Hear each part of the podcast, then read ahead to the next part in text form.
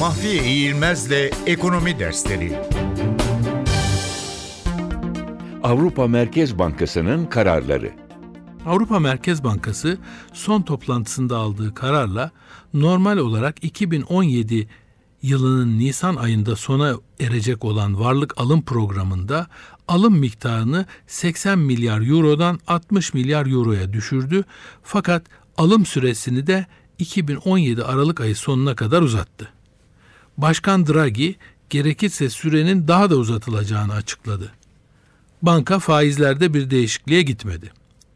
Piyasa beklentisi miktarın azaltılmadan sürenin uzatılması şeklindeydi.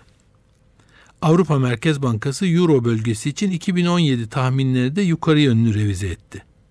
Piyasa aktörleri bankanın süre uzatımını ve tahminleri yukarı yönde revize etmesini olumlu, tahvil alım miktarının azaltılmasını ise olumsuz karşıladı. Karar ve tahmin revizyonları öncesinde yükselmiş olan euro dolar paritesi, karar ve revizyonlar sonrası euronun dolara karşı değer kaybetmesi sonucu yeniden gerileme gösterdi.